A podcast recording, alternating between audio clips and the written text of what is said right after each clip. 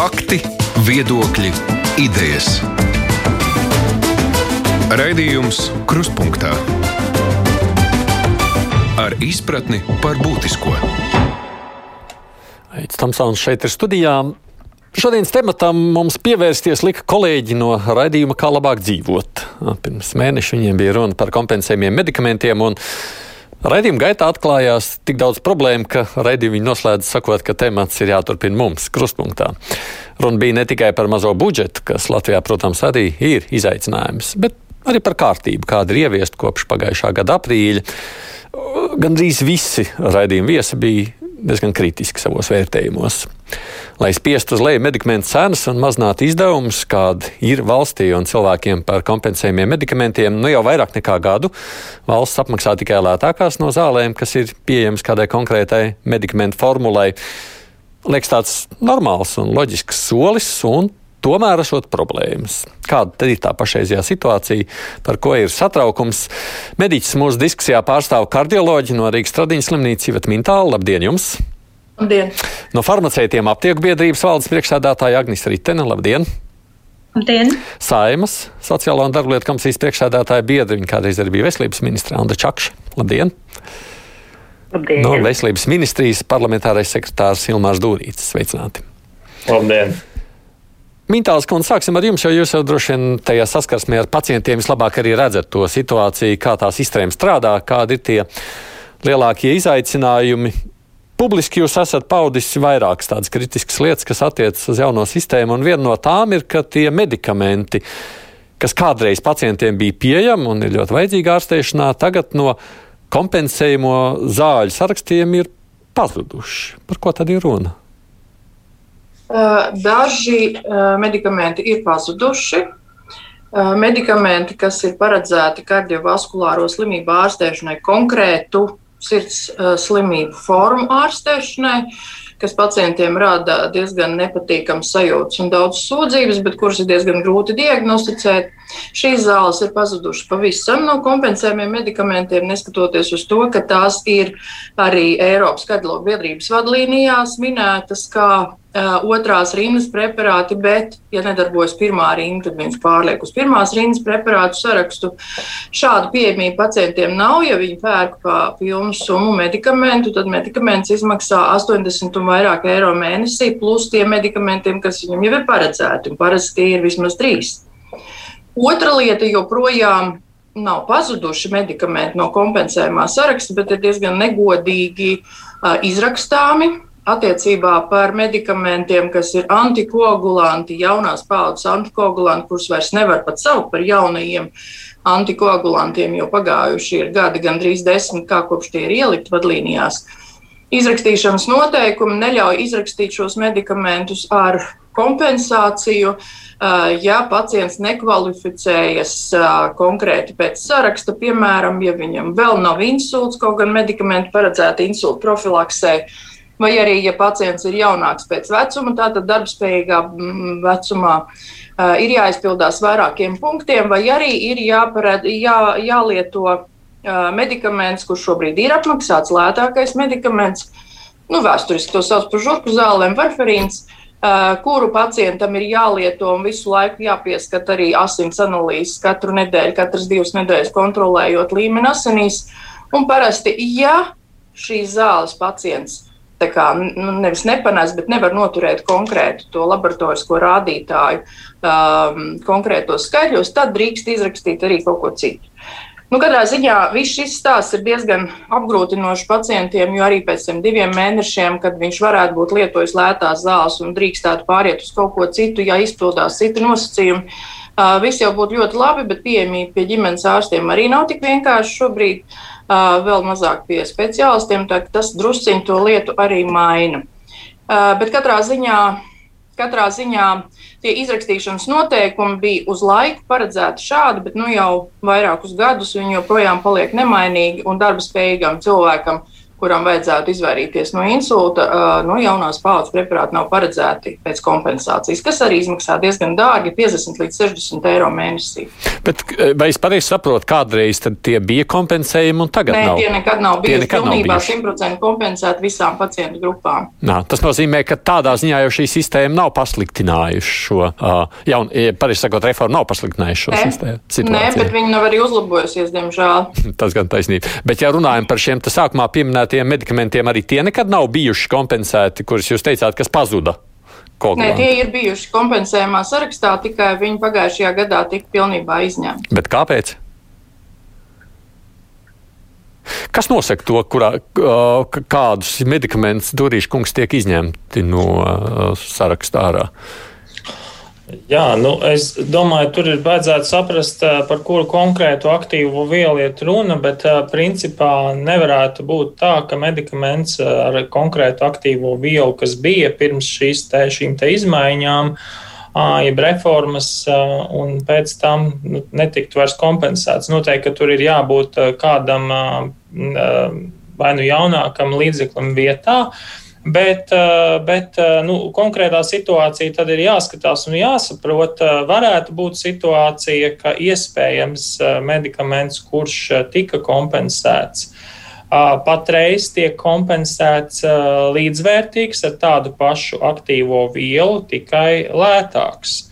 Un šeit mēs teiksim par šo zāļu pieejamību runājot, nu, Zāļu valsts aģentūra ziņo, ka laika posmā no 20. gada 1. aprīļa, kad mēs ieviesām šo jauno aktīvo vielu izrakstīšanu kompensējumam zālēm, līdz, līdz šī gada 1. faktiski 31. martam tas par 75% ir samazinājies ziņojumu skaits par zāļu nepieejamību aptiekās. Nē, ne par nepieejamību, bet vai vispār kādas tātad zāles tiek ņemts ārā no saraksta? Jūs sakāt, tāpēc, ka ir kādas labākas? Vai lētāks ar tādu nē, pašu nē, labumu? nē, teiksim, ja mēs runājam par zālēm kā aktīvām vielām, tad, tad tās zāles, kas ir kompensējumu zāļu sarakstā, ja, un um, pacientiem ir tiek kompensētas, tās arī tiek turpinātas kompensēt. Te varētu būt runa par ražotāju, ja, respektīvi par kādu citu ražotāju, bet šīs reformas tātad mēs redzējām, ka nu, faktiski valsts kompensē lētāko, tādas pašas efektivitātes, tādas pašas aktīvās vielas medikamentu. Labi, ļaujiet man saprast. Ļoti daudziem medikamentiem Jā. tās cenas ir samazinājušās. Mintāls kundze, tas, ko saka veselības ministrijas pārstāvs, saka, ka ir citas zāles tajā vietā labākas kas vai vienkārši pieeja? Nu, nav īsti, ja mēs runājam par vienu konkrētu medikamentu, par vienu piemēru, ranalazīnu, tad šis nav, viņam nav šobrīd arī aizvietojoši preparāti, un viņam arī nav cita ražotāja. Viens vienīgs bija pieejams, un tas arī ir izņemts. Es nemāku gan apgalvot, vai tas bija saistībā ar jauno reformu, bet katrā ziņā tieši pagājušajā gadā pavasarī šis medikaments ir izņemts no kompensācijas vispār. Nu, kurš var man kaut kādā veidā paskaidrot, jo šobrīd ministri, ministri apgalvo vienu un doktori saka citu? Nu. Šādā gadījumā tiešām jāskatās šis konkrētais preparāts. Iespējams, ka ir kāds jaunāks paudzes aktīva viela, ko doktori nezina. Ko doktori nezina jā. Ja, ja nav, tad iespējams ir ražošanas problēmas. Es tiešām to varētu noskaidrot un uh, Mintāls kundze pēc tam informēt, kas ir noticis ar šo. šo jā, preparātu. mēs esam rakstījuši arī no mūsu kardiologu biedrības lūgumu atgriezt kompensējumu zāļu sarakstā un skaidrojumu, kādēļ mēs to gribam. Uh, bet katrā ziņā, jā, atbildi mēs neesam saņēmuši. Šo. Es vēl gribētu tikai teikt, ka kopumā uh, runājot par šo kompensējumu zāļu vispār situāciju valstī, tad arī uz šo gadu, uz šo, šo gada budžeta veidošanu mēs esam apkopojuši uh, tās nepieciešamības un faktiski jaunu medikamentu iekļaušanai kompensējumu zāļu sarakstā mums uz 22. gada budžetu vajadzētu nedaudz virs 80 miljoniem eiro. Tur, protams, iet iekšā arī onkoloģijai nepieciešamie medikamenti. Tā kā es gribu uzsvērt, ka ārkārtīgi liela ir šī vajadzība pēc jaunu zāļu un jaunu diagnožu iekļaušanas kompensējumā sistēmā. E, es saprotu, tās vajadzības pilnīgi noteikti ir lielas un vajadzīgas. Tajā pašā laikā tas, kas man mulsināja visā šajā, mēs tā iesākām uzreiz to raidījumu ar sāgu, sakot, ka jau tās, kuras jau tika lietotas un bija, es saprotu, joprojām vajadzīgas, pazūd. Es jau nezinu, vai tā ir tikai kardioloģijas problēma, varbūt tā ir citās ārstniecības jomās nu, tikpat aktuāla lieta. Bet nu, tas, ko saka Mintāls kundze, es saprotu, tā ir tāda lieta, ko aizvietot nemaz nevar. Tas nozīmē, ka jūs vienkārši šiem pacientiem sakat, un tad viņiem jāpērk pašiem. Jā? Nu, jā, Mintāls kundze, es prasu. Jā, pacienti pērk paši. Bet nu, es, es pat pieļauju, ka šī nav sāpīgākā problēma. Es ceru, ka par to jūs runāsiet, jo faktiski viena lieta ir jaunu zāļu iekļaušana sarakstā, par ko mēs noteikti balsojam, jo mēs arī esam tie ārsti, kas piedalās Eiropas vadlīniju izstrādāšanā un to zāļu teiksim, pamatotā lietošanā, ieskaitot visus aprēķinus, cik ļoti tas pēc tam var samazināt arī izmaksas slimnīcā. Bet runa arī par esošajām zālēm, kuras ir sarakstā, bet vairs nekompensējas, jo tās ir varbūt pārāk dārgas, bet pacientiem tās kā reiz ir bijušas pietiekami efektīvas. Un arī šīs zāles pacienti lielākoties pērk par savu naudu, jo vēlas lietot tās pašas, kuras viņiem ir rūpīgi pielasītas, rūpīgi piemeklētas devas un tiešām reāli efektīvi darbojās. Un ar aizvietotājiem, diemžēl, šī situācija diezgan krasi mainās. Nu, par šo arī turpināsim to sarunu. Jūs jau droši vien kā farmaceiti, ja, nu, kuriem strādā aptiekā, vislabāk sajūtat, ko cilvēkiem saka, vai kādā veidā reaģē uz to, kad ir kaut kas pieejams vai nepieejams. Raksturojiet situāciju no savas skatu punktu, lūdzu. Mm, jā, paldies. Nu, pirmkārt, es esmu tiešām arī pateicīga krustpunktiem un droši vien arī iedzīvotājiem, ka šī tēma ir aktualizēta, jo jāsaka, ka ar skaidrojošo darbu un varbūt arī zināmā mērā negācijām aptiekā sastopās katru dienu. Jo, protams, kad nu, zāļu mainība izraisa neizpratni, ko jūs man dodat. Man bija savādākas zāles, man bija iepriekšējais iepakojums, izskatījās citādāks. Un īpaši pacientam, ja ir vienas zāles, varbūt tad ir vieglāk uztvert to situāciju, bet ja šīs zāles ir varbūt 5, 6, 7 vai vairāk, tad ir nu, par katru zāli jāvelta laiks izskaidrot, kā vietā tas ir bijis. Un, līdz ar to droši vien ir, tas ir arī tas, tas lielākais skaidrojošais darbs un tā problēma gan aptiekā farmaceitam, gan pacientam pašam tā izpratne, un gan arī tas, ka mēs arī tad aicinam griezties atpakaļ pie ārsta, ka varbūt runāt, nu, ja, ja šīm zālēm ir bijušas kādas problēmas iepriekšējām, vai jūs nevēlaties ko nu, konkrētā, konkrēto šo medikamentu, lai jums katreiz maina, vai jums kaut kas viņos nedara, ir jārunā ar ārstu un varbūt ir iespēja iekļauties šajos 30%, kad ārsts var izrakstīt arī konkrētu ražotāju ražotāju nosaukumu. Bet nu, jāsaka, ka tiešām arī aptiekās katru dienu apmēram 50 līdz 80% gadījumu, kā man nos, nosauca vidēji mani kolēģi, mēs sastopamies ar to skaidrojošo darbu. Kad, nu, mūsuprāt, šai sistēmai būtu tomēr jābūt nedaudz varbūt, elastīgākai lai ir uh, grupa pacientu, kurai tomēr varētu pieturēties pie, pie tās viņu izvēles un, uh, un nevis katru reizi mainīt šo nosaukumu uz citu. Cik daudz ar šo skaidrošanu pietiek un kuros gadījumos jūs tā arī netiekat pie rezultātu? Es nezinu, vai šāda veida statistika, protams, tiek savākta. Uh, nu, protams, cik cilvēki apmierinās ar šo skaidrojumu, cik tomēr nē.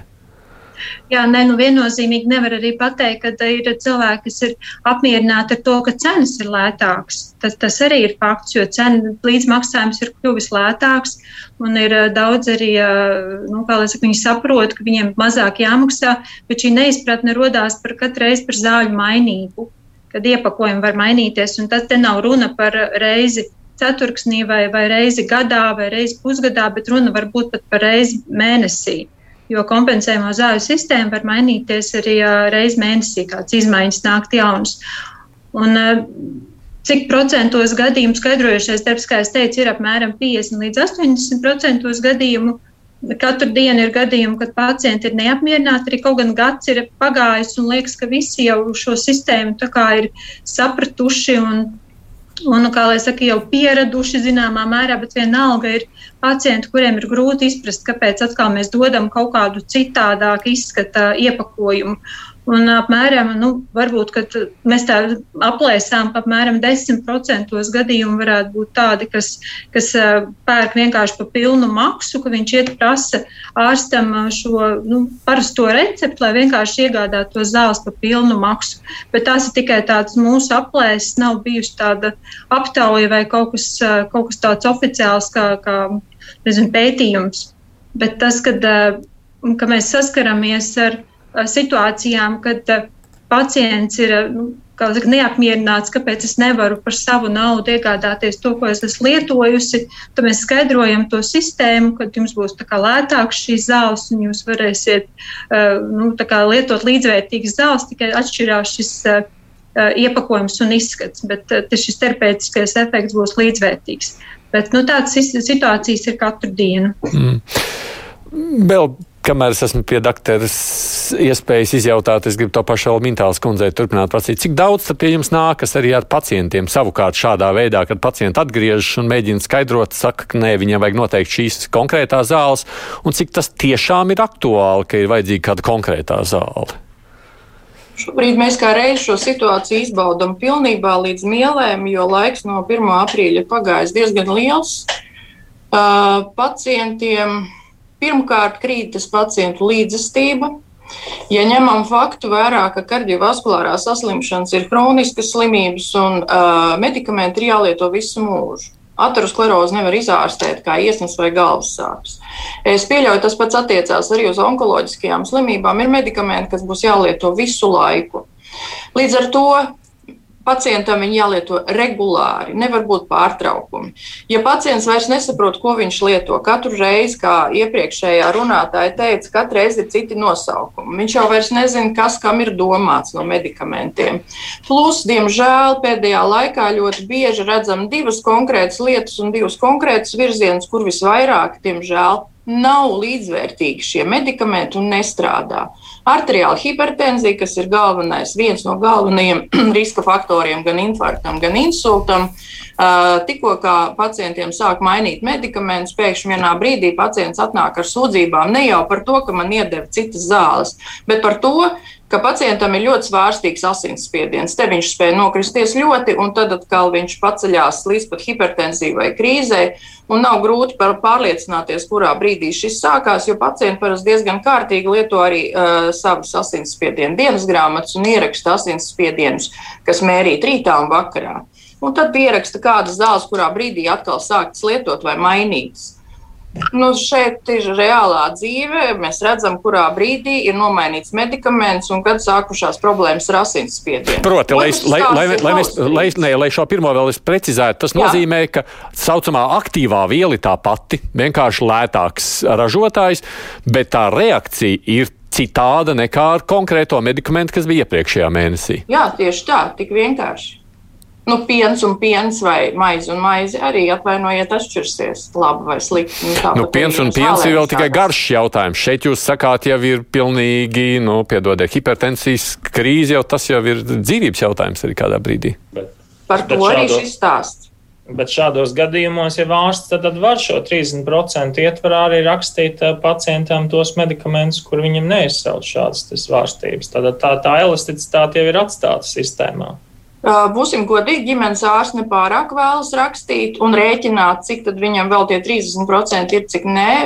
Ģimenes ārsts arī drusku baidās no dažādām sankcijām, un vieglāk ir nerakstīt nekā rakstīt.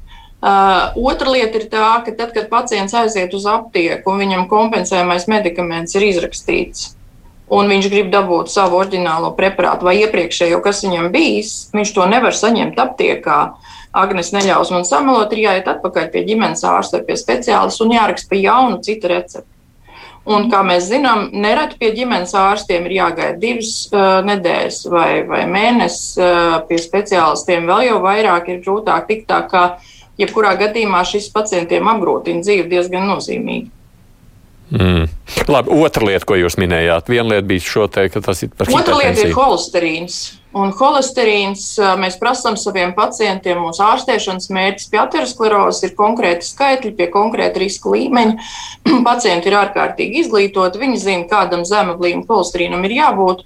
Un kad tas pēkšņi mainās, pie, pie nosacījuma, ka pacients godīgi turpina lietot zāles, bet ir samainīts medikaments un holesterīns ir tik augsts, ka praktiski zāles nebūtu lietotas.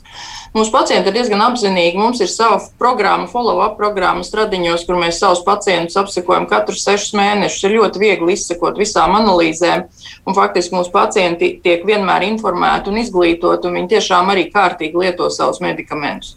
Nu, tepat nav jāstrīdās par faktu, ir iepriekšējās analīzes un tagadējās analīzes. Un tas ļoti, ļoti pierādās. Pie tam tas ir tikai marķieris un līmenis un rādītājs, kurš norāda, cik agresīvi norit ateroskleroze. Mēs jau nezinām, kas notiek asinsvadā neatrodos tajā brīdī, jo šie medikamenti vai nu var iedarboties uz asinsvadu sienu, vai arī nevar iedarboties, vai arī nav tādas iespējas, nav tādas efektivitātes. Tas, ko jūs sakāt šobrīd, lai kopsavilktu, ir tā, ka būtībā šī pašreizējā sistēma, nu, kamēr tu secini, ka šīs jaunās zāles tomēr nedarbojas, jāiet atpakaļ, kamēr tu tiec atpakaļ pierakstīties, es pieļauju, ka pie jums kā pie kardiologa nevar uzreiz nākamajā dienā atkal atnākt un dabūt citu recepti. Un kamēr paiet laiks, tikmēr situācija pasliktinās, ka šis viss, nu, patiešām pasliktina arī vismaz kardioloģijā kopējo vesel, sabiedrības veselības stāvokli.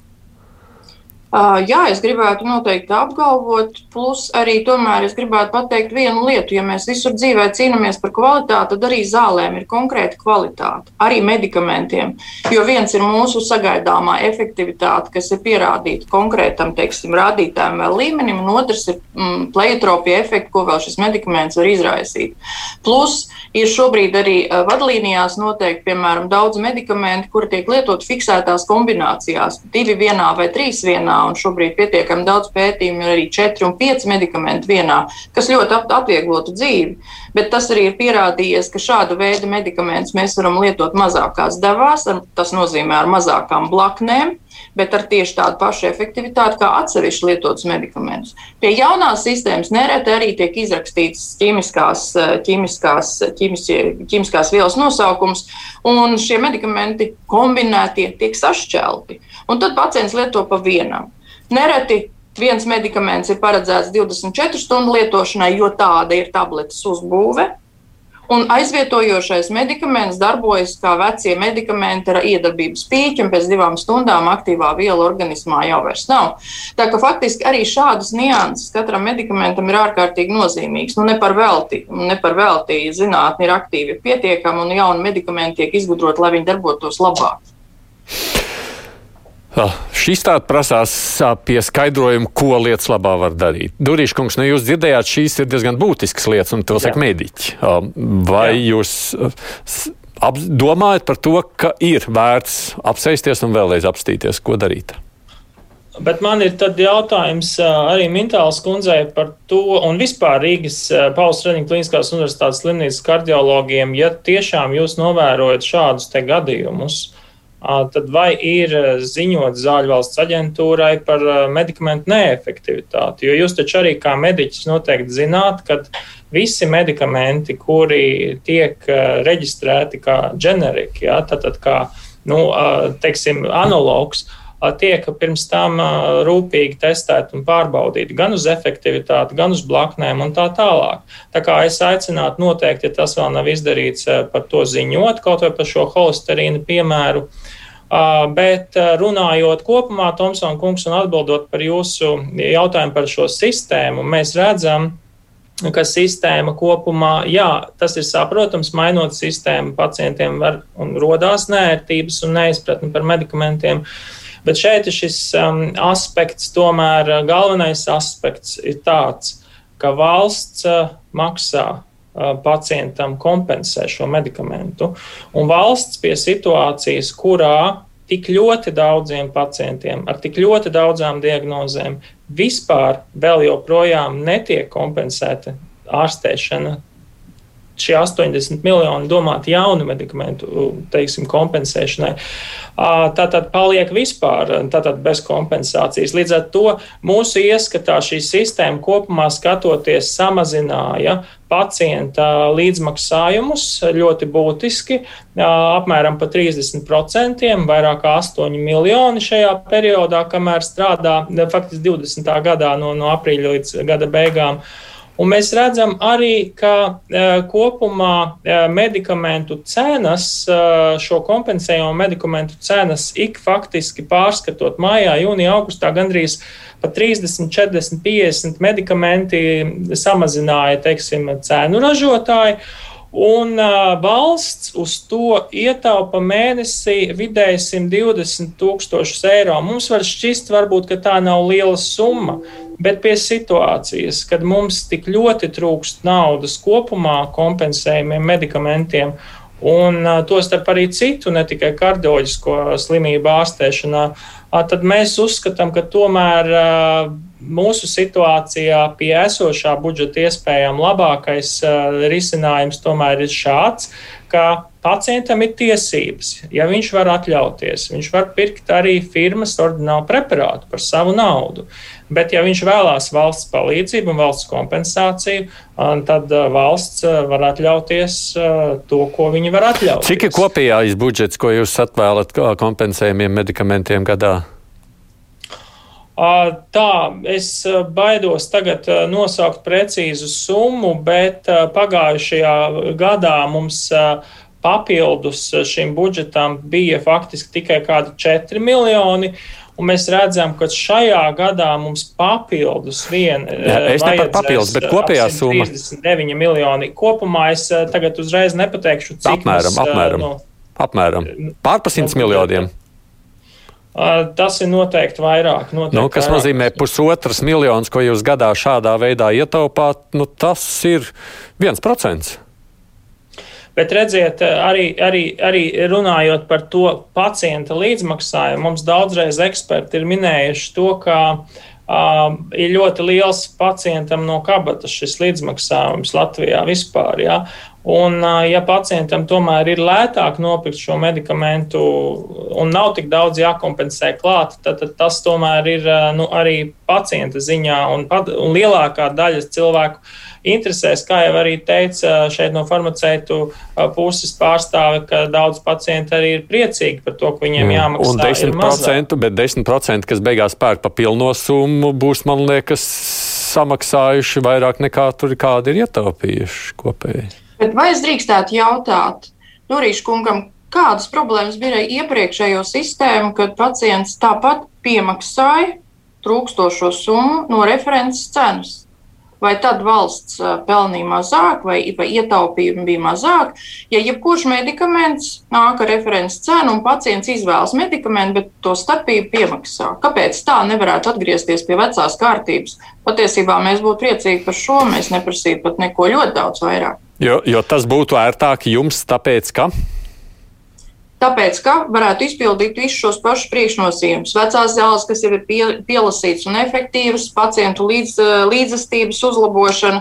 Ja runājam par ziņojumiem par neefektivitāti zālēm, tad pēc manas pieņemšanas, kas ir diezgan garas stundas, man vajadzētu pavadīt vismaz 3-4 stundas un aizpildīt vismaz 8-9 ziņojumus dienā par neefektivitāti. Un mēs esam ļoti daudz vēstules no Latvijas kardiologu biedrības rakstījuši par neefektivitāti šīm zālēm, un atbildes īsti mums nav. Tā ka nevar mums pārmest, ka mēs kaut ko nebūtu darījuši šai sakarā. 8-9% dienā neefektivitāte jūs rakstāt, un nekas nemainās, un pat atbildes. Ne, es nerakstu ziņojumus. Es Būt, būtu jāraksta, bet būtu jāraksta, bet būtu jāraksta. Es to vairs nedaru. Tas ir daudz. Jo mēs esam visādos veidos mēģinājuši uzrunāt arī arī iepriekšējos ministrus attiecībā uz šo. Mums tā īsta saruna par šo nav, nav, nav attīstīta līdz galam, vismaz līdz risinājumam, kā mēs to saredzam. Čakškundze, jūs klausījāties visu šo gandrīz pusstundu. Es diezgan apzināti ļāvos šim trijo pa priekšu, jo, nu, lai arī kā nebūtu, jūs esat likumdevēji un jūs jau nosakāt pamatā visu to kārtību, kāda Latvijā ir. Tā tomēr ir izpildvara veselības ministrija. Klausoties visā šajā stāstā, ir kaut kas jādara.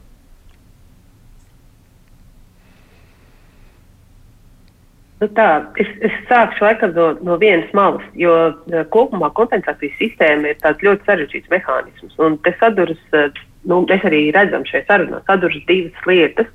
Viens ir pacienta intereses, un otrs ir zināmā mērā sistēmas intereses. Jo, jo kopumā kompensējumu zāļu budžets ir 170 miljoni.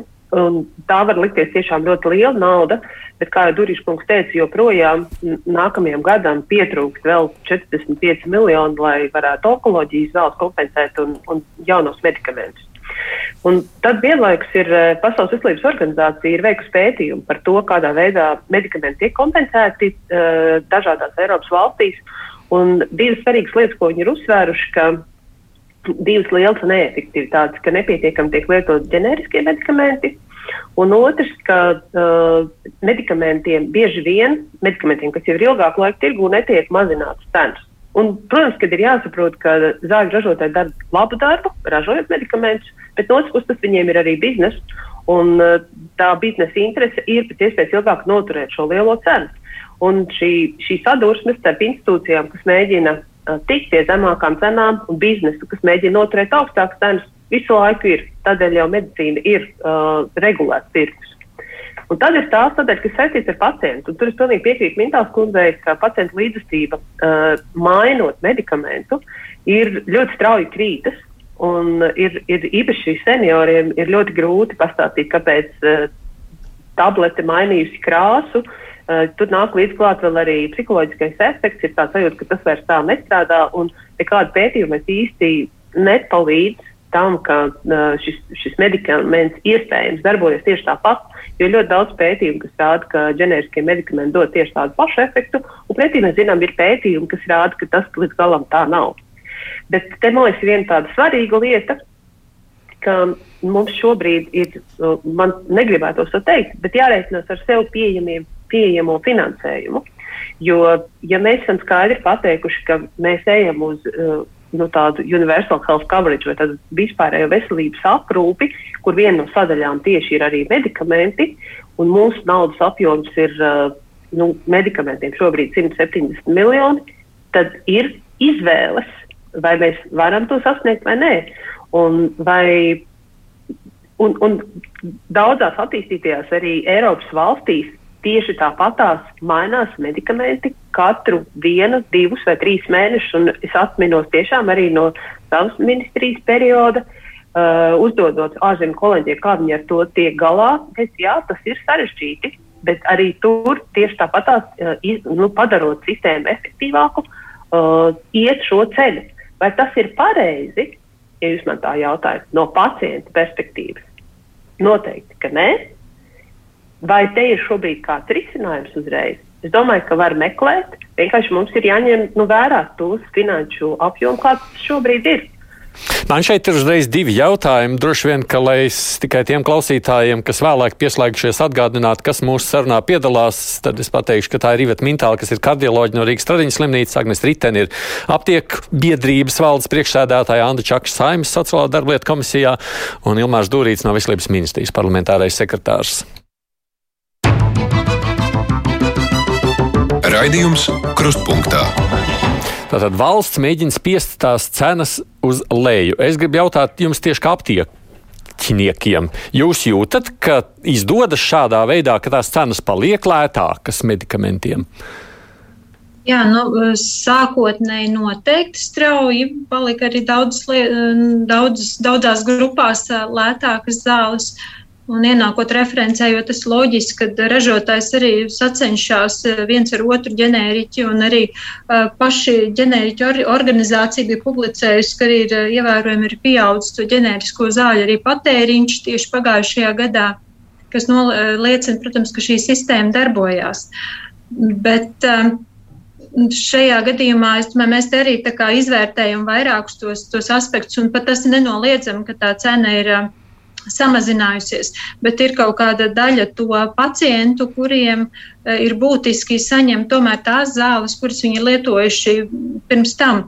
Un arī jāsaka, ka nu, bez aktīvās vielas jau tajā medikamentā ir arī palīgvielas, un arī tās tomēr var būt atšķirīgas. Un, uh, es visu arī par finansējumu, tas viss ir skaidrs, bet arī daudzās valstīs tomēr darbojās tā sistēma tā, ka ir jāraksta tas starptautiskais nepatentētais nosaukums, bet varbūt ir tomēr tam pacientam tā izvēle pēdējā vai, vai kuru medikamentu, vai tomēr primāri piedāvā to lētāko Un uh, tikai attiecīgi tad, ja viņam nu, ir kaut kāds pašam nu, tāds nu, savs vēlmes, ka viņš var tomēr izvēlēties arī kādu to, ko ir lietojis pirms tam.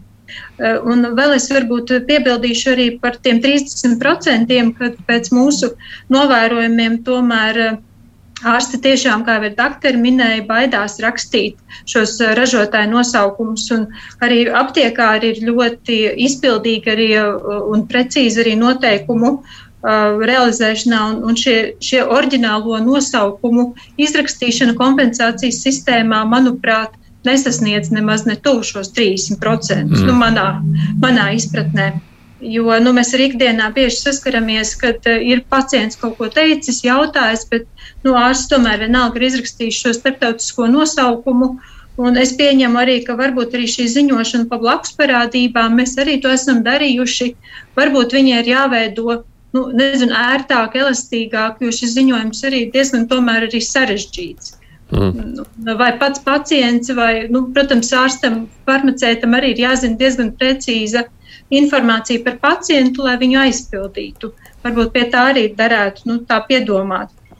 Un, ja runā jā. par eh, vēl, vēl vienu lietu, tikai jā, ja runā arī par, par to, nu, saka, to uztraukšanos un, un baidīšanos, tad arī Veselības inspekcija bija prezentējusi, ka pagājušajā gadā bija veikusi attālināts pārbaudas 200 aptiekās, pārbaudījusi 11,000 recepšu, un tas jau nu, viss liecina, ka, ka mēs jau. Nu, Jūtam, ka mūs ļoti kontrolē un ļoti seko, un mēs nevaram nekur, ja sākotnēji varbūt tās tur bija doma, nu, kad, kad nevar īsti saprast, kā tā sistēma darbojas un, un negribot kļūdījās, varbūt arī farmaceiti. Tad nu, visādā ziņā man liekas, ka šobrīd viss ir ļoti izpildīgi un tik cik palicis, varbūt tas nenokārtotais jautājums, ko darīt tiešām ar tiem pacientiem, kuri vēl ar vienu nav sistēmu pieņēmuši un izpratuši. Un varbūt viņiem tomēr ir arī savi iemesli, kāpēc tāds ir. Oh, bet Kāpēc tā sistēma nevarēja darboties? Tas, ko Mintāls kundze sacīja, nu, tad ir noteikta tā references cena, un ja tam pacientam vajag dārgāk, nu, tad viņš piemaksā to summu,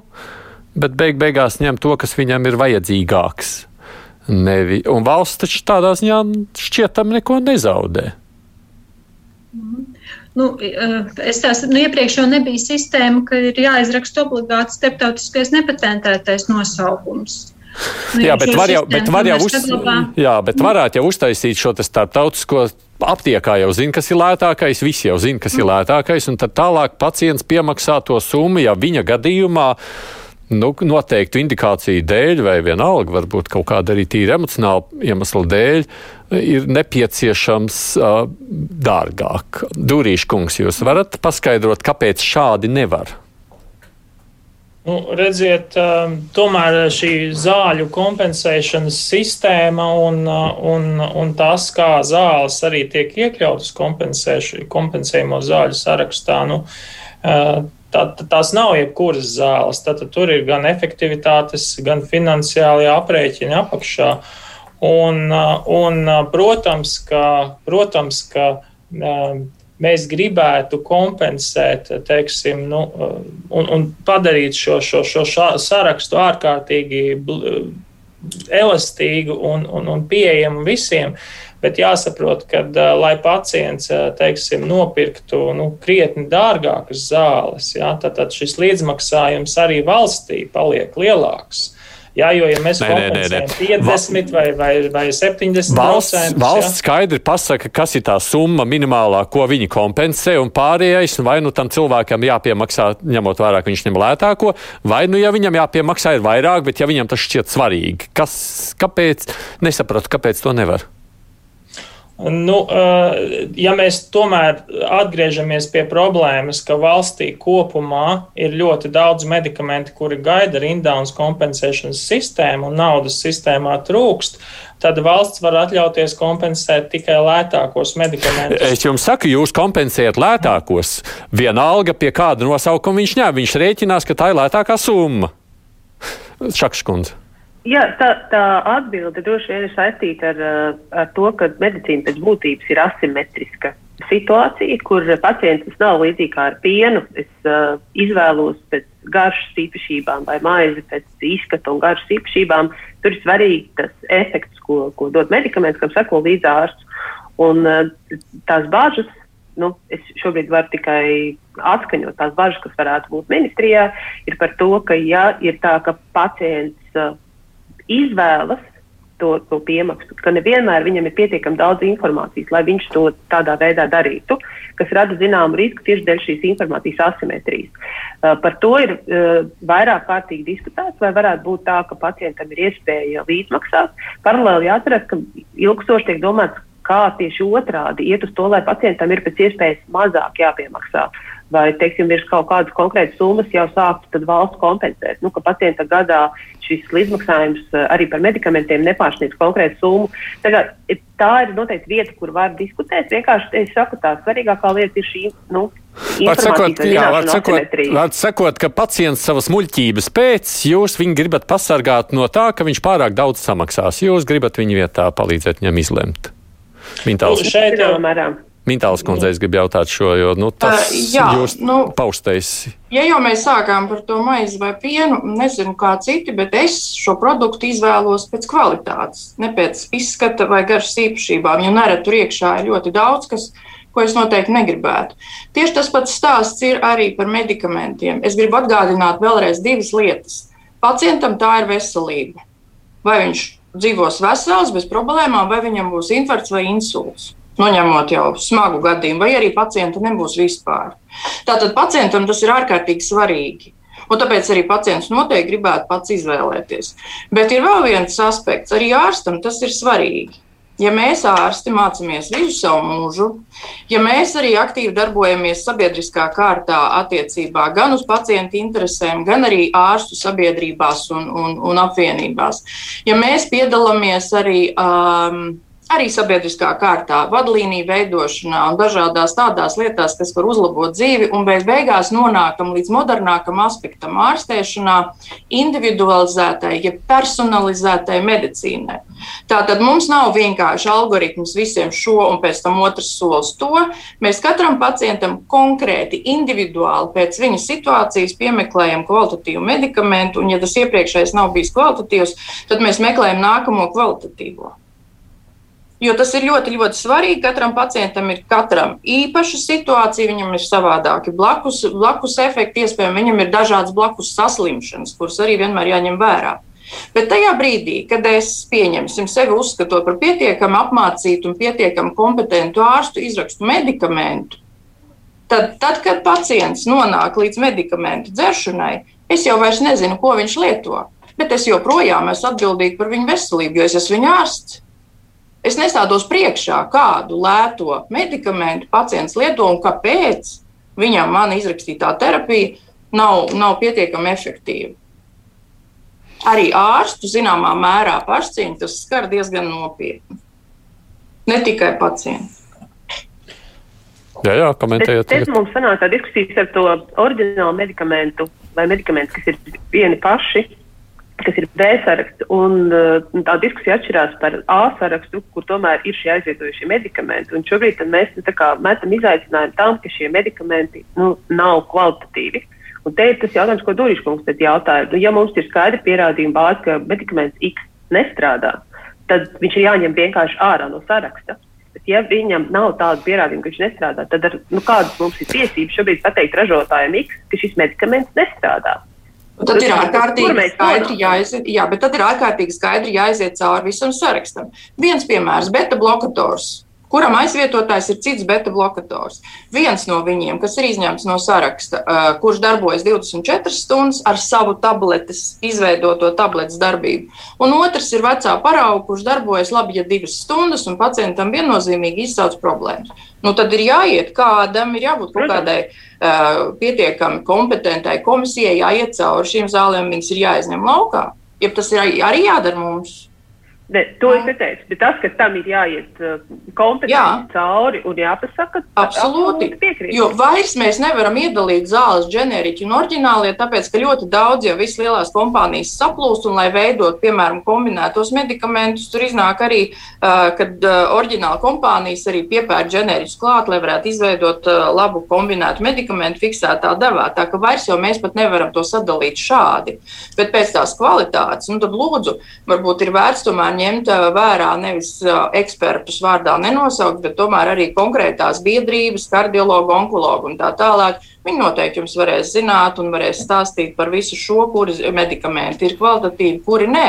Tā ir viena lieta. Otra lieta, nu, ja jau tomēr mēs atgriežamies pie iepriekšējā dalījuma, ģeneriķu un oriģināla, tad pētījumi attiecībā uz oriģināliem medikamentiem nav salīdzināmi, cik laika, naudas un pacientu izpētes vai pašu pacientu tur ir ieguldīts salīdzinoši ar ģenēriķiem. Tur jau īpaši izpēta vairs nenotiek, pie tam ģenēriķi drīkst atšķirties plus mīnus 20%, 80 līdz 120 savā darbībā un efektivitātē.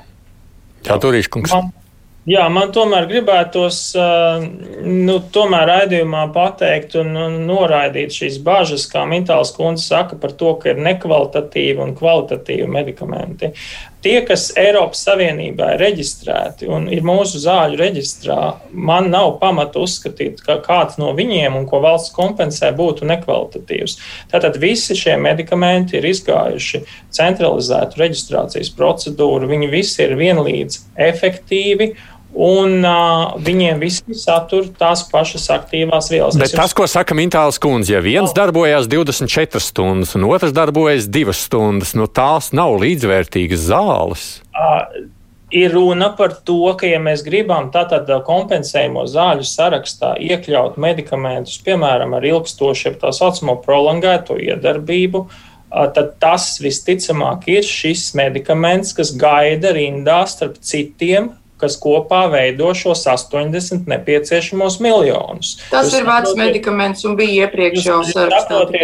Jūs saprotiet vēlreiz, ka veselības ministrija, nu, no vienas puses es gribētu teikt, ka kardioloģija, ja mēs runājam par kardioloģiju tieši, tad kardioloģijas aspektā veselības faktiski valsts maksā ļoti un daudz finansē kardioloģiju. Ja mēs runājam, nē, nē, nē, nē, kardioloģijā ir viens no mazākajiem finansējumiem. Nevarētu veidot vienu atsevišķu raidījumu, cik ļoti faktiski kardioloģiskie pacienti, mūsuprāt, ja mēs salīdzinām, teiksim, ar pacientiem, kuri saslimst ar kādu retu slimību, vai onkoloģisku slimību, tomēr iespējams pat ir labākā situācijā nekā. Nekā un, un mums ir jārūpējas par visiem cilvēkiem, jo cilvēks neizvēlās sev saslimšanu.